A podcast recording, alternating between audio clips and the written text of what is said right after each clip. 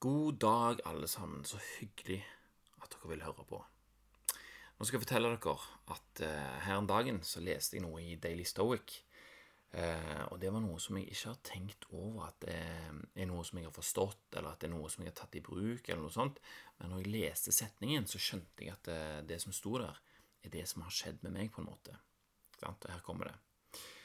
Man oppnår ikke frihet ved å fylle opp av det hjertet begjærer, men ved å ta bort sitt begjær. Til Epiktitus har skrevet dette her. Skjønner du? Er ikke det noe av det lureste du har hørt, egentlig? Altså, hva har du lyst på her i verden? Jeg har jo hatt lyst på enormt mange ting opp igjennom, akkurat som alle. Men det har jo aldri gitt meg noe i seg sjøl. Ja vel.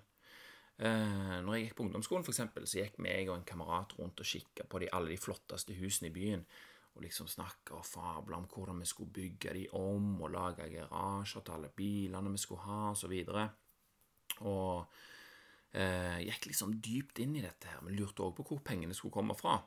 Og én ting er jo liksom ja, Lotto, det goes without saying, men eh, vi så jo for oss at eh, en flott Jaguar skulle stoppe foran oss, og at en rik gammel mann skulle stige ut uh, av den Jaguaren og gi oss formuen sånn. Da, sant? En veldig god plan, dette her.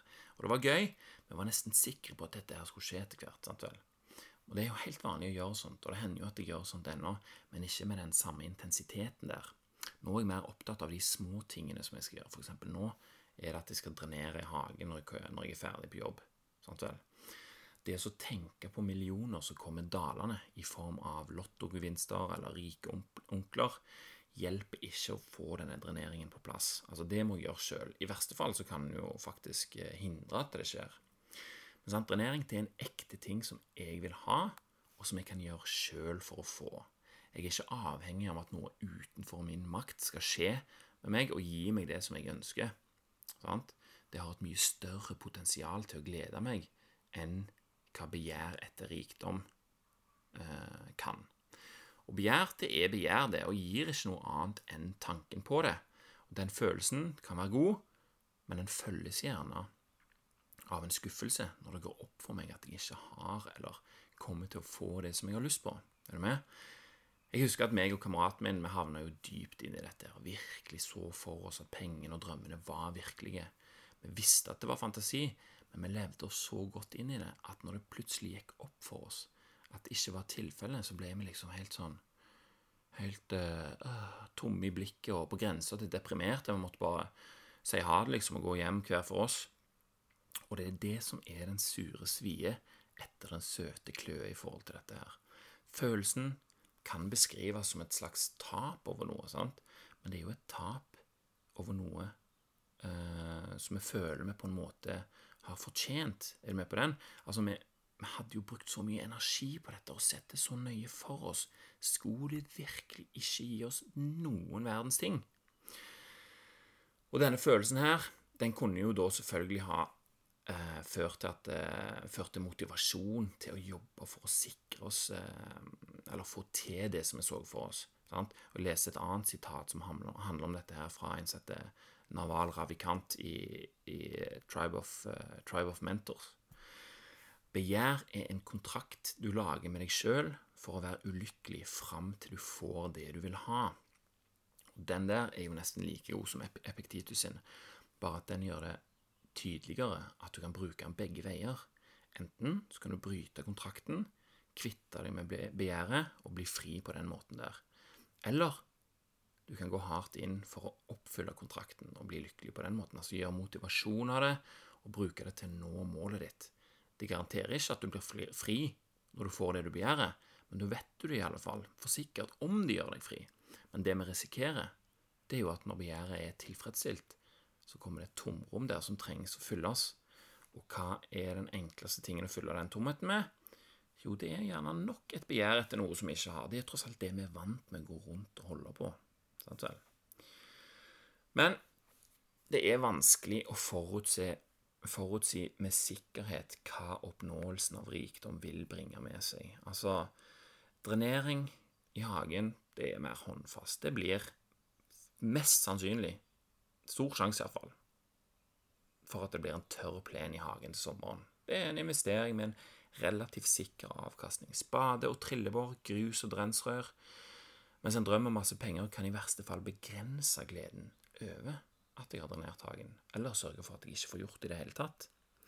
For hvis det er mange millioner jeg ønsker meg, så vil utbedringen av å grave et hull i hagen og fylle det med grus være en så liten prosent av totalen jeg ønsker meg, at jeg kanskje ikke vil sette noe særlig pris på den.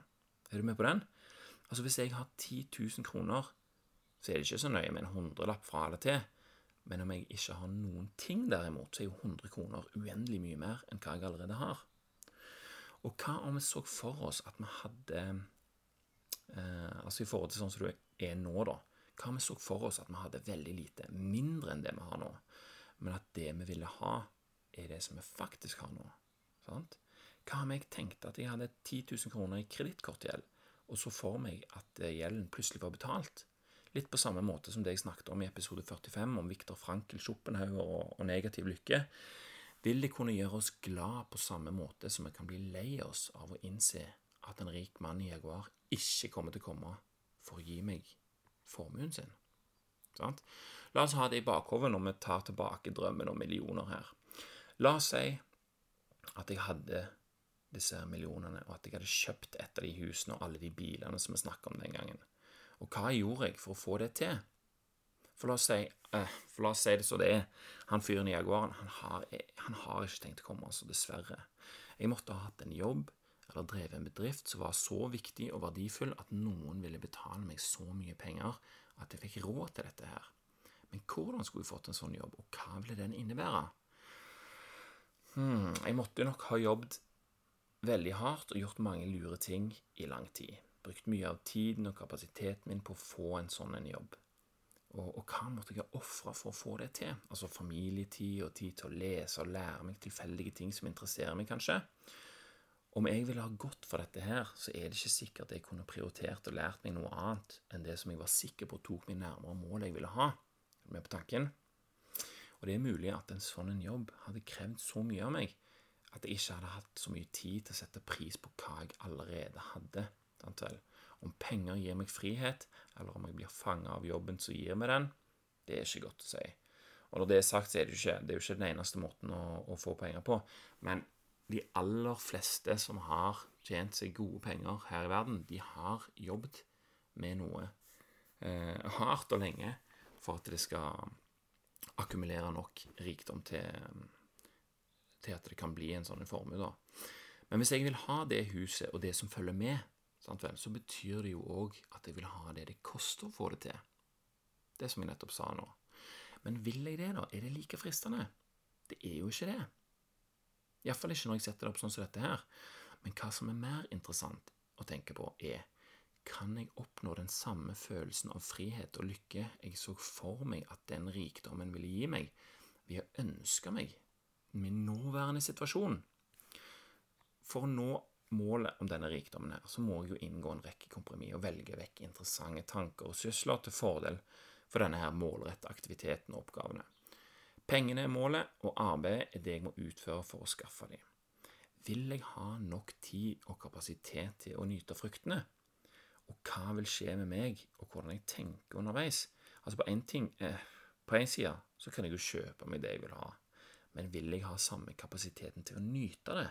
For ikke snakke om tid til å nyte de tingene som allerede er tilnærmet gratis. Det som jeg ikke trenger millioner for å nyte. Lese, gjøre ting i hagen, henge med ungene, lese for dem, ta en tur til fjells når det er fint vær, spille munnharpe på terrassen i solskinn etter jeg har besøkt hønene og henta grønnsaker i drivhuset. Huh, det er jo dette jeg har nå. Og når jeg tenker på det, så er det jo dette jeg hadde lyst på for noen år siden, når jeg ikke hadde det òg. Dette ga meg en god følelse å tenke på. Det sies, det sies at det er to måter å bli rik på. Enten å skaffe alt det du vil ha, eller å ville ha alt det du har skaffa deg. Sant? Jeg sier ikke at jeg ikke vil ha mer, eller ikke vil jobbe for å få det bedre. Jeg sier bare at det, det jeg allerede har, og vet at jeg setter pris på, står i fare for en vag forestilling av hva noe annet ville gitt meg. Sant? For meg er det lettere og mer fornøyelig å jobbe med ting når jeg føler meg eh, fornøyd med tingenes tilstand, og ved å fokusere på den friheten jeg har til å gjøre det jeg gjør, så føler jeg meg allerede fri. Fri til å følge nysgjerrigheten og tilfeldighetene. Hva som kommer ut av det, det er ikke godt å si, men har det så mye å si så lenge jeg er tilfreds med det jeg gjør, og lever i et land som gjør det mulig å gjøre dette? Det var alt for i dag, det, folkens. Tusen takk for meg. Takk for nå, og tusen takk til deg som hørte på. Så snakkes vi neste gang.